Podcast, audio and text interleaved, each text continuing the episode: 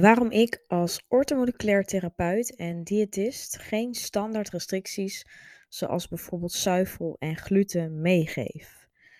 Dat is waar deze podcast over gaat. En allereerst wil ik je even excuseren voor mijn stem. Uh, ik heb heel erg last van mijn keel, maar in het kader van perfectie loslaten ga ik toch lekker opnemen. Um, dus ja, mogelijk dat ik iets anders klink als normaal, of misschien hier en daar even moet hoesten. Ik ga het natuurlijk zoveel mogelijk beperken, maar um, ja, dan weet je dat. Um, deze aflevering wordt mega waardevol, denk ik, voor de meeste van jullie. Zeker ook wanneer je dus darmklachten ervaart, met name dus uh, voedselintoleranties. Het idee hebt dat je een voedselintolerantie hebt. Uh, of dat nou zo uh, wel of niet vastgesteld is. Um, en misschien überhaupt als je dus meer wil leren hierover. En dus benieuwd naar mijn, mijn visie hierop bent. Um, tegenwoordig zien we eigenlijk in heel veel gevallen, zeker in de orthomoleculaire wereld, uh, en dat is ook hoe ik en nou ja, de meesten dus ook zijn opgeleid. Dat uh, er eigenlijk in het voedingspatroon als standaard restricties worden gegeven. Dat nou ja, zuivel of gluten in het algemeen bijvoorbeeld. en ik pak even deze twee omdat dit de meest bekendste zijn er in uh, zijn algemeenheid eigenlijk, of je nu wel of geen klachten hebt, er al uit worden gehaald. En dat dat eigenlijk ja, dan een gezondere basis zou zijn als dat je het wel zou innemen.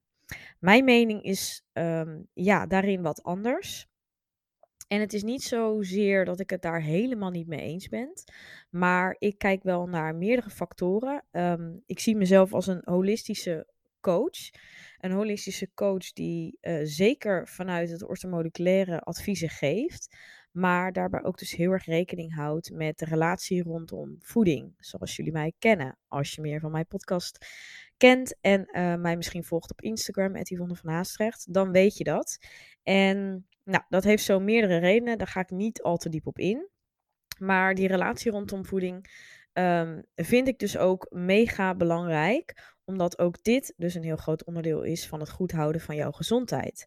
En wanneer je dat, um, ja, daar eigenlijk geen rekening mee houdt, of dus juist gevoelig bent voor het ontwikkelen van een slechte relatie rondom voeding, dan kan het zomaar eens zijn dat je door deze standaardadviezen al een goed of fout relatie met voeding creëert. Het is namelijk zo dat je hierbij dus heel erg voeding kan gaan labelen en heel erg kan gaan zien als dit is goed en dit is fout. En dat is dus wat ik wil voorkomen, omdat je daarmee dus eigenlijk jezelf al vertelt van dit zijn de goede producten en dit zijn de slechte producten. En in mijn ogen is dat dus niet een fijne manier van kijken naar voeding. Um, ja, je hebt dus heel erg voedingslabels die je daar dus aan hangt. Hetzelfde als dat je bijvoorbeeld zou eten volgens een bepaald eetschema. Op het moment dat je buiten dat eetschema gaat eten, heb je misschien het gevoel dat je iets verkeerd doet, terwijl dat helemaal niet het geval hoeft te zijn, of eigenlijk natuurlijk niet is. Want alle voeding is toegestaan en in mijn ogen is dat balans. Dat ja, je eet meer van de ene producten als van de ander. Maar er zijn geen strikte regels als in, er zijn geen producten die je totaal niet mag eten. Tuurlijk kan het zo zijn dat jij, hè, als je duidelijk hebt, zeker in het geval van een allergie, mag je die producten niet eten. Dat is duidelijk. Daar kan, daar kan je ook niks aan veranderen, helaas. Uh, bij een intolerantie ligt dat anders als je werkt aan de darmgezondheid zelf. Daar kom ik straks nog eventjes op terug. Het ding is met restricties is dat je minder um, variatie krijgt in je voedingspatroon een beperktere voedingskeuze hebt, wat sociaal en mentaal moeilijk kan zijn en dus ook weer de relatie met voeding eh, verslechtert of kan verslechteren. Maar daarnaast dus ook jouw darmbacteriën um, minder verschijnen zullen zijn. Je krijgt een minder eh, breed beeld aan darmbacteriën binnen, waardoor de darmflora beperkter wordt. En juist die darmflora is ontzettend belangrijk voor een goede vertering van voeding. Dus indirect kan het ook bepaalde klachten in stand houden of juist verergeren, zeker op lange termijn. En dat is wat je natuurlijk allesbehalve wil voorkomen. Je wilt juist zoveel mogelijk darmbacteriën binnenkrijgen en zorgen dat je lichaam eraan gewend is om zoveel mogelijk producten te eten. Want juist als je er dingen uitlaat, is het logisch dat naarmate de tijd, op een gegeven moment, als je ze strikt vermijdt, producten of jouw lichaam eigenlijk gaat reageren omdat het niet meer gewend is om deze producten binnen te krijgen en dus ook te verteren. Dus dat heeft direct effect. Dus dan denk jij, hé, hey, ik heb reactie, hé, hey, ik heb een intolerantie. Maar dat hoeft helemaal niet zo zijn. Het kan ook zo zijn dat je lichaam er even aan moet wennen en dat je dus er even daardoor heen moet. Dat is een periode van opbouwen. Het kan heel fijn zijn om dat natuurlijk onder begeleiding te doen. Omdat dat ja, alleen doen is heel lastig. Waar moet je op letten? Wat gebeurt er? Wanneer is het nou wel een intolerantie en wanneer niet? Wanneer mag ik werken aan die darmgezondheid zelf? Uh, dat is natuurlijk iets waar ik, um, waar ik jou in kan begeleiden. En wat natuurlijk ook mijn werk is als darmexpert. Um, ja, en, en dat is wat ik ook voornamelijk doe. Dat is dus ook heel erg mijn visie. Mijn visie is om erachter te komen waardoor komt het dat je deze intoleranties hebt ontwikkeld. Want het feit dat jij opeens reageert op voeding wil zeggen dat er iets in jouw lichaam veranderd is. En daar wil je de focus op leggen. Dus wat is er, hè, wat is er gebeurd waardoor je opeens die producten niet meer kan verdragen? En als je die gebeurtenis of die oorzaak dus aanpakt, dan zie je vaak in de meeste gevallen dat je die producten weer kan eten. En dat is dus ook altijd mijn doel en mijn streven binnen mijn werk. Dus bij iedere cliënt, iedere klant, iedere coachie ga ik kijken, hè, zijn er intoleranties vanuit de EMB bloedtest? Kunnen we die direct vaststellen? Oké, maar dan, dan alsnog komen ze eruit. Ga ik wel met jou kijken van, hé, hey, hoe kunnen we die producten uiteindelijk er ook weer inbrengen? Dus wat is er nog meer in het lichaam aanwezig? Wat laat zien dat er ergens iets niet goed zit. Dus dat er ergens een dysfunctie zit. En dat kan in de darmen zitten en dat wijst natuurlijk de EMB bloedtest ook uit. Die test die gehele darmgezondheid. Dus het kan liggen aan je darmflora. Excuus, het kan liggen aan je uh, darmbarrière, dus de buitenkant van je darmen. Het kan liggen aan parasieten, bacteriële belasting, schimmelbelasting, noem het op. Verzwakte immuunsysteem. Het kan zelfs um, op een heel ander vlak uit je lichaam komen. En dat is wat we gaan zien met de 1B bloedtest. Dus dat stelt in staat om jouw volledige gezondheid te bekijken, al jouw functies onder de loep te nemen, jouw organen onder de loep te nemen, maar voornamelijk dus ook die darmgezondheid zelf, om te kijken waardoor komt het dat die intoleranties er zijn. Dus buiten het feit dat de 1B bloedtest de intoleranties en of eventueel allergieën vaststelt, laat het ook zien wat er verder aanwezig is. En dat maakt de testen ontzettend waardevol, omdat je verder kijkt dan alleen die producten. Want het is niet altijd de schuld van die producten zelf. En dat is echt even wat ik in deze podcast duidelijk wil um, maken. Um, en dat is dus ook hoe ik werk en waarom ik dit dus uitleg. Ik ga dus niet zomaar gelijk zeggen dat je het eruit moet laten.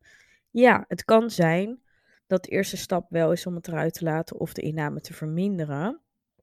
Maar dan alsnog is het de clue. We gaan dan werken aan die darmgezondheid of hetgeen wat daar dus onder zit. Dan alsnog werken we toe uiteindelijk om die producten weer te kunnen eten en gaan we op zoek naar jouw drempelwaarde. Het kan namelijk heel goed zijn dat je één product prima kan verdragen, maar dat twee producten bijvoorbeeld te veel zijn. Van bijvoorbeeld zuivel of die gluten. Dus dat wil je gaan onderzoeken en dat is ook wat ik samen met jou natuurlijk ga doen. Dus binnen een traject. Uh, je kunt zowel een losse bloedtest doen als een EMB traject. In beide gevallen hebben we gewoon een uitslagconsult. Daar zit een persoonlijk behandelplan aan vast. Die stel ik voor je op, die krijg je toegestuurd. En aan de hand daarvan hebben we bij de losse bloedtest na vier tot zes weken nog een uh, vervolgconsult. En in het EMB-traject zitten er nog twee extra consults aan vast. Dus daarbij is de begeleiding achteraf wat intensiever. Maar bij beide gevallen gaan we hiermee aan de slag en adviseer ik jou. En gaan we dus kijken, überhaupt, hoe staat je algemene gezondheid ervoor? Waar zitten eventuele gevoeligheden? Hoe is het met je darmgezondheid? Uh, wat kunnen we daaraan doen? En um, ja, uiteindelijk, hoe kunnen we die producten er weer voor zorgen dat jij weer zoveel mogelijk producten kan eten en kan blijven eten en uh, daar dus geen last van hebt. En waar zit dus die drempelwaarde? Dus hoeveel ook. En dat maakt zoveel, ja, dat geeft zoveel duidelijkheid, zoveel rust met name. Um, ja, en, en zorgt er gewoon voor dat je veel minder stress rondom voeding hebt, waardoor dus ook die relatie rondom voeding goed blijft. Dus dit is ook waarom ik dus ja, um, niet standaard restricties meegeeft. Ook al komt het dus uit de test, dan kijk ik altijd nog verder. En dat is ja, wat ik hoop dat ook steeds meer therapeuten gaan doen. Um, ja, en niet zomaar uh, dingen eruit schrappen die misschien wel onnodig zijn. Of hè, zeker bij mensen die daar gevoelig voor zijn. Kijk even verder. Wat is voor deze persoon belangrijk? Welke dingen moeten nog meer meegenomen worden in het advies? Want je kunt wel bij mensen die dus gevoelig zijn voor het ontwikkelen van een slechte relatie met voeding, misschien al een eetuitdaging hebben, of misschien al een eetstoornis zelfs hebben, kun je deze adviezen geven. Maar wat er gebeurt is dat er nog meer stress en belasting op het lichaam komt, waardoor de klachten alleen maar erger worden, omdat bij um, darmklachten die hersen-darmconnectie ook zo ontzettend belangrijk is. En hetgeen hoe jij je voelt dus ook ontzettend veel invloed heeft op jouw klachten. Dus heb je ontzettend veel stress, dan heeft het invloed op hoe jouw darmen werken. Is die vertering verslechterd? Word je, laat je, raakt je lichaam meer verzuurder? Het zorgt voor eveneens eigenlijk een minder goede vertering. Maar met name ook in die darm zitten enorm veel zenuwcellen. Dus jouw darmen functioneren gewoon minder goed, zijn ontzettend gevoelig. En dat maakt dat juist de problemen in stand worden gehouden en jij juist ook meer intoleranties kan ontwikkelen. dit is ook waarom sommige mensen op ten, op duur steeds minder producten kunnen verdragen. En dat ze denken, hoe kan dit nou? Ja, dat komt er dus ook daardoor. En dat heb je mogelijk ook in een van mijn eerdere podcasts gehoord over het FODMAP-dieet. Daar leg ik dat ook helemaal uit. Um, dat is een paar podcasts hiervoor, dus die kun je ook eventueel luisteren. Maar ik hoop in ieder geval dit, dat dit uh, al wat meer inzicht geeft. En, en ja, voornamelijk uh, welke producten kun je juist toevoegen om je darmgezondheid goed te houden. Hè? Dus niet alleen maar richten op de beperking, maar juist op het toevoegen. Zodat je ook je focus legt op wat kan er wel in plaats van wat kan er niet. En daarin ligt al een heel verschil. Dus echt dat mentale is ook zo'n groot onderdeel. Wat ik dus meeneem in mijn adviezen. Um, en wat ik denk dus ook ja, uh, heel erg belangrijk is en waar ik, waarvan ik dus ook zie dat de resultaten ontzettend goed zijn. En waarom dus ook de, heel veel mensen ook voor mij kiezen, omdat ze weten, hé, hey, Yvonne die haalt niet zomaar alles eruit. En is het wel nodig voor jouw darmgezondheid? Ja, dan vinden we daar ook een weg in. En dan help ik natuurlijk om jouw voedingspatroon alsnog zo fijn mogelijk te houden. Help ik je met vervangers. Kijken we naar wat er wel kan. En dus vooral hè, die focus op um, het toevoegen van bepaalde producten om die darmgezondheid te optimaliseren. Daarnaast ben ik ook van mening dat gewoon een gezond lichaam, een lichaam dat voldoende rust heeft, voedzame producten in de basis uh, eet voornamelijk, dus echt die 80-20 regel ook toepast, um, voldoende slaap heeft, voldoende herstel, wel beweegt, beweegt op een manier die bij het lichaam past. Nou, noem het op. Um, dat alles, hè, een gezond lijf, zowel mentaal als fysiek, dat kan ook die producten wel verdragen, mits je het ook in de juiste, um, hè, op de juiste manier inneemt. Dus in die zin hè, zijn alle macronutriënten aanwezig. Heeft het product niet te veel toevoegingen? Zijn het verse producten? Zijn het producten die uit de natuur komen? Zijn het producten met niet al te veel E-nummers? Zijn het producten hè, met de juiste uh, voedingswaarde, nou, ingrediënten, noem het op. Kijk, dat is belangrijker. Productkeuze uh, is dan veel belangrijker als bijvoorbeeld producthoeveelheid of in het algemeen dus echt hè, productgroepen. Dus ik ben gewoon van mening dat, dat je alles in het leven nodig hebt. En um, ja, daar kun je zeker onderscheid in maken. Hè, als we het hebben over bijvoorbeeld een uh, stukje vlees biologisch vlees en grasgevoerd vlees is altijd beter als bijvoorbeeld vlees uit de supermarkt. Nou, dat heb je dus ook bijvoorbeeld in uh, zuivelkeuzes en in uh, glutenproductkeuzes, weet je wel. Een goede couscous of een goede zilvervliesrijst, noem het op, zijn hele goede producten en in mijn ogen super gezond. Maar bijvoorbeeld couscous bevat wel gluten. Ja, ga je dat dan vermijden of kun je het wel gewoon af en toe eten? Het gaat om die variatie en die balans. En in mijn ogen uh, kan dat dus zeker. En ik help je dan dus ook juist om de juiste keuzes in voeding te maken. Dus welke producten zijn gezond en uh, nou, hoe kun je dat toepassen in je voedingspatroon. Zodat jij uh, lekker kunt blijven eten wat je wilt blijven eten. Goed voor je lichaam zorgt, maar dus vooral ook niet die stress rondom voeding creëert. Ben je geïnteresseerd geraakt en wil je hiermee aan de slag, dan kun je natuurlijk de 1B bloedtest doen. Wat ik al zei, er zijn twee opties binnen de bloedtest. Dat is de losse bloedtest en het 1B traject. De losse bloedtest is um, uh, dus een korter traject als het 1B traject. Voor beide hebben komende maand nog plekken. Dus laat het me eventjes weten, mocht je de bloedtest willen doen. Je kunt naar mijn website yvonnevanhaastrecht.nl, uh, daar naar de 1B bloedtest gaan en dan kun je jezelf direct aanmelden. Uh, daar staat ook alles uitgeschreven, dus mocht je meer informatie willen, kun je daar zeker even kijken. Daar kun je ook reviews vinden um, en meer informatie uh, over welke voedselgevoeligheden, et cetera, er allemaal getest worden. Überhaupt ook alle waardes. Dat zijn uiteindelijk 17 kantjes aan waardes die getest worden. Dus heel uitgebreid. En um, nou, laat het me weten als je daar vragen over hebt. Je kunt ook altijd even een gratis kennismakingscall inplannen. Mocht je denken, hé, hey, ik wil even met je hierover sparren of even kijken of het een goede match is. Dat kan altijd. Dat kan ook via de website. Ik zal de link in de show notes zetten. Maar weet in ieder geval dat je kan aanmelden en dat het traject volledig online verloopt. Dus het maakt niet uit waar je vandaan komt. En mocht je nou direct willen uh, starten op een hele laagdrempelige manier, dan kun je eventueel ook inschrijven voor mijn gratis starter kit voor bij um, darmklachten en het optimaliseren van je gezondheid. Die kun je ook vinden in de show notes. Um, een gratis te downloaden e-book eigenlijk, starter kit, die je in vier makkelijke stappen naar een betere gezondheid helpt. Dus uh, ja, mocht de EMB bloedtest nog een te grote stap zijn, dan kun je hier in ieder geval mee starten.